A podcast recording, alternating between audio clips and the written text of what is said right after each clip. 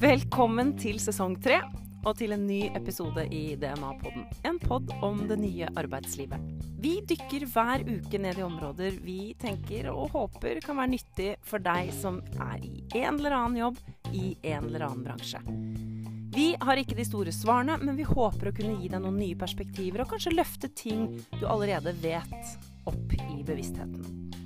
Vi tenker høyt fra sofakroken, og så dykker vi ned i det som opptar oss.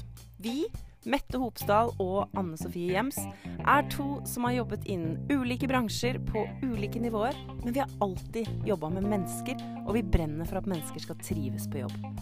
Nå er vi en del av Fuelbox-teamet, der vi jobber som relasjonsarkitekter.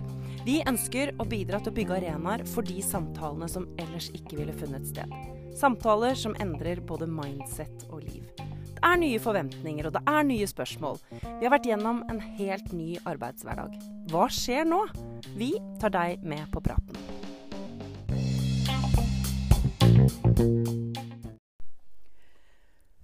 Hva egentlig ledelse handler om, det snakker vi selvfølgelig mye om her, og vi snakker mye om det i hva ellers vi gjør.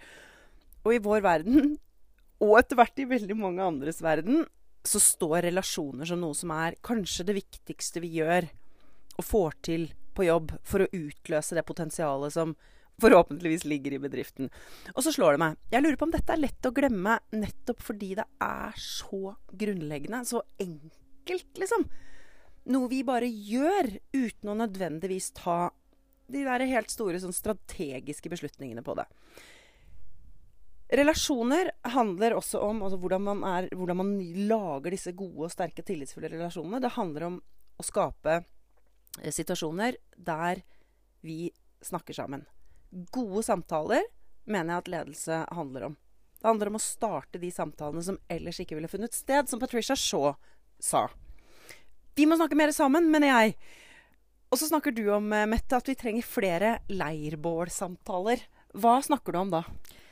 Jeg lot meg fascinere av Erin Meyer, som var på besøk hos uh, Oslo Business Forum i fjor høst. Og uh, Erin Meyer, for dere som ikke kjenner til hun, så er hun medforfatter av boken No Rules, The No Rules Rules. Som er rett og slett historien om Netflix-kulturen. Og hun sier det så utrolig greit, og den treffer meg litt. We need less bullet point meetings and more campfire conversations. Dette er interessant på så mange områder. For det første det som, eh, Nå avbryter jeg deg litt, men jeg har lyst til at du skal ha med sånn begge aspektene på både det at vi har vært gjennom en hybrid og er i en hybrid virkelighet nå. Mm. Fordi at jeg tror jo akkurat bullet pointsene de har det blitt flere av gjennom uh, digitale møter. Vi går rett inn i agendaen. Mm. Uh, men så er det noe vi også er vant til fra møterom generelt sett. Kan ikke du si litt mer om det? Jeg tror jo at det er det vi har mistet gjennom den hybride, og ikke minst da vi satt på hjemmekontor gjennom korona, men også gjennom den hybride. Det vi mister når vi sitter på skjerm, da, det er jo nettopp eh, den følelsen, den fuzzy, gode, varme følelsen som vi kanskje har å forbinde med Se for deg liksom at du sitter rundt et leirbål med enten gode kolleger eller gode venner, og du liksom spraker der, og det er god stemning, man har kanskje tatt seg en øl, det er kanskje musikk i bakgrunnen, noen har dratt frem en gitar, mm. og det man sitter og snakker om rundt leirbålet Anne Sofie, det er jo ikke Unnskyld, hvordan eh, ble vi, kom vi i havn med den rapporten, og var vi on track med progresjonen? Det er jo ikke de samtalene vi har der. Samtale der er definitivt ting som påvirker, tror jeg, også eh, det vi gjør og leverer sammen på jobb. Men det er jo gjennom å bygge sterkere relasjoner. For når vi sitter rundt der og har litt allsang og synger og prater, så er det jo om helt andre ting. Og de tingene og de leirbålsamtalene har vi jo ikke hatt muligheten til å ha digitalt. Med mindre du er virkelig flink til å, til å på en måte sette deg inn i en stemning via nettet. Men jeg tror at akkurat det der tror jeg er en av de tingene vi har savnet. Og jeg tror at hun har helt rett, Erin Meyer, når hun sier det. Altså, det er ikke, det er ikke de møtene som vi har som handler om, om saker, om jobb og de som er litt sånn saklige. Det er ikke de møtene vi kommer ut og kjenner nå. Nå kjente jeg at jeg kom virkelig, virkelig mye nærmere teamet mitt. Mm. Det er jo ikke det. Mm. De gangene vi kjenner at vet du hva, nå, eh, nå skjedde det noe med relasjonen mellom meg og en kollega, eller meg og lederen min, det er jo de gangene vi har delt noe. Vi har ledd sammen. Vi har reflektert sammen. det er jo de investeringene som er de vi husker. er de Men samtidig, altså, eh, da må jeg også spørre deg, fordi det høres jo litt ut, når du sier det du sier, som at vi skal mer inn i koseklubb på jobb, på et vis. På ingen måte. Jeg tenker ikke at det er koseklubb. Jeg, Nei, for hvorfor er det viktig da å ha de samtalene om hvem du og jeg er? Ja, men vi snakker jo Du sa innledningsvis at det er lett å, å på en måte gå seg vill, og at du ser ikke Mm. skogen for bare trær. Og det tror jeg du har et poeng på, fordi vi snakker veldig mye om psykologisk trygghet. Vi snakker veldig masse om relasjoner. Vi snakker veldig mye om tillit og høyt presterende team. Og så glemmer vi at alt dette her får vi gjennom gode samtaler. Og det er jo dette her som er viktig. Hvis vi kommer inn på det med psykologisk trygghet, så vet vi jo at det er nødvendig med gode samtaler for å skape relasjonene som gir den tilliten og tryggheten til at du har et team hvor man kan komme til torgs med hele seg, for å ta liksom kortversjonen. Og det betyr at eh, samtaler og det å ha gode samtaler, det er på ingen måte nice to. Det er need to i høyeste grad. Og så vet jo vi som jobber med dette her til dagen, at dette her er jo basert på forskning. Mm. Vi vet jo at når man snakker sammen ansikt til ansikt, så skjer det noe i tilknytningssenteret i hjernen vår. Altså det skaper, Der vi skaper relasjoner, der vi knytter oss til hverandre, det aktiviseres når vi faktisk deler noe. Og jo mer personlig vi velger å være når vi snakker om noe som faktisk betyr noe for oss, dette var vi innom før. Mm. Men det er jo da ting skjer. Og igjen, jeg er sikker på at, eh, at mange tenker ja, men vi snakker sammen hele tiden, vi. Vi snakker mye, vi. Vi treffer hverandre til og fra. Og da vil jeg si så bra. Men hva er det du snakker om? Ja, for der er vi inne på noe. Så det å faktisk snakke om noe annet enn vær og pandemi og eh, altså til og fra møter og, og ha den tørrpraten, at vi liksom fortere kommer inn i det som faktisk er relevant for at vår relasjon skal bli bedre. Men jeg nevnte i sted så nevnte jeg at man må ta det som en strategisk beslutning. Uh, og med den forskningen som du nevner, som er gjort på hvorfor det er viktig også da, å ha en god relasjon til folk på jobb, så vil det jo være nesten en no-brainer, i hvert fall veldig sunt, og både riktig og sunt, uh, av en organisasjon å sette det her i en struktur. eh, som gjør at vi faktisk får til en utvikling mot en mer relasjonsdrevet kultur, da. Og så tenker jeg liksom hvordan, hvordan kan en bedrift, hvordan kan vi vise at vi tar dette på alvor? Hvilke erfaringer har du der? Jeg tror at det første, eh, det første det handler om, det er jo rett og slett å skape forståelse og innsikt hos ledere og eh, de som, som eh, driver en organisasjon, så de forstår at dette her er viktig, og de forstår at det har direkte sammenheng med det vi leverer, og ikke minst direkte sammenheng med de resultatene og harde tallene som de er avhengige av å levere videre. Men du, men du spør jo, unnskyld at jeg avbryter deg nå, men du spør jo ofte bedrifter har dere en klar strategi når det gjelder kultur. Mhm. Hvor er det du vil hen da? Der jeg vil hen, det er jo nettopp at når vi får den forståelsen hos ledere, så, gjør at, altså, så gjør at de forstår at dette her er viktig og essensielt for å nå målene sine, så vil jo jeg eh, at de skal på en måte se at da må vi prioritere det. For det er veldig, det er veldig få eh, bedriftsledere som ikke har en strategi. Men eh, jeg spør jo veldig ofte når folk sier ja, kultur er viktig. Ja, det er jeg helt enig i. Ja, folkene er det viktigste vi har. Åh, det er så godt å høre. Men da blir mitt spørsmål hva for en menneskestrategi har dere, da? Som Ja. underbygger det du sier?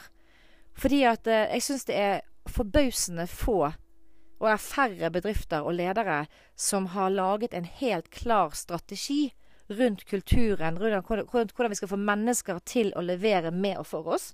Og ikke minst hvordan vi skal sette de tingene vi nå snakker om, som f.eks. å starte med å sette relasjoner og gode samtaler i et system. De har ikke strategi for det. Og det blir litt mer sånn tilfeldig. Det blir et foredrag her og der, og det blir en workshop. Eller bedrifter som jeg har snakket med. Hva gjør dere da? Nei, vi har julebord. Mm. Og så tenker man liksom at da er de skikkelig gode på kultur. Så jeg eh, vil jo utfordre alle til å sette menneskestrategien like systematisk til verks Mm. som vi setter strategier i alle andre deler Mm. av bedriften. Da har vi et stykke å gå, tror jeg.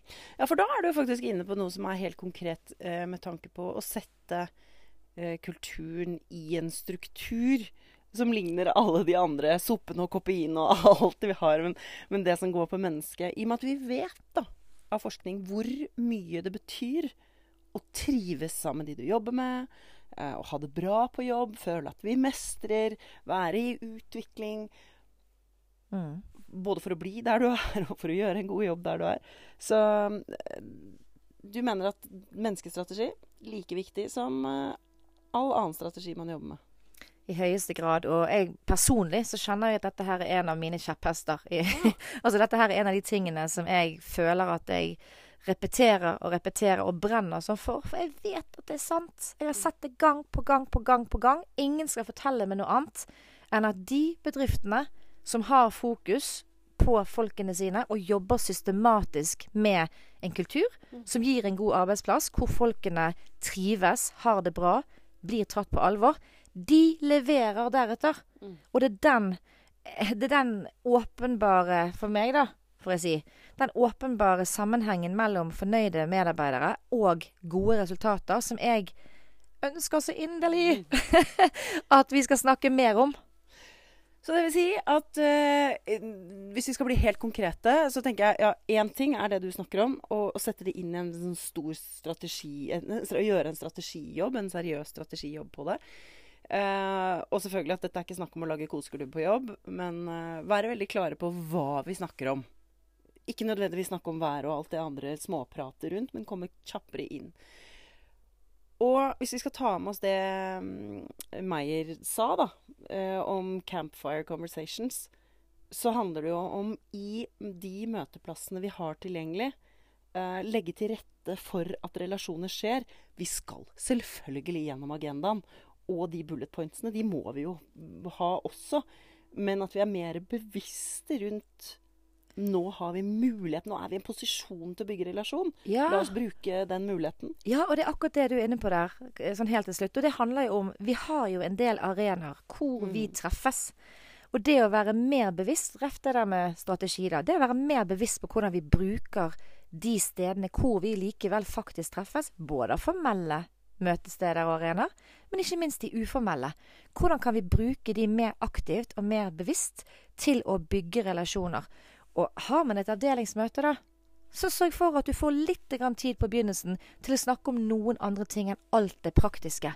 Snakk litt om, om ting som du vet er mer, litt mer personlige, og som betyr noe for det forholdet vi har sammen. Som igjen bygger psykologisk mm. trygghet, mm. og som igjen gjør at resten av møtet blir gøyere og mer fruktbart.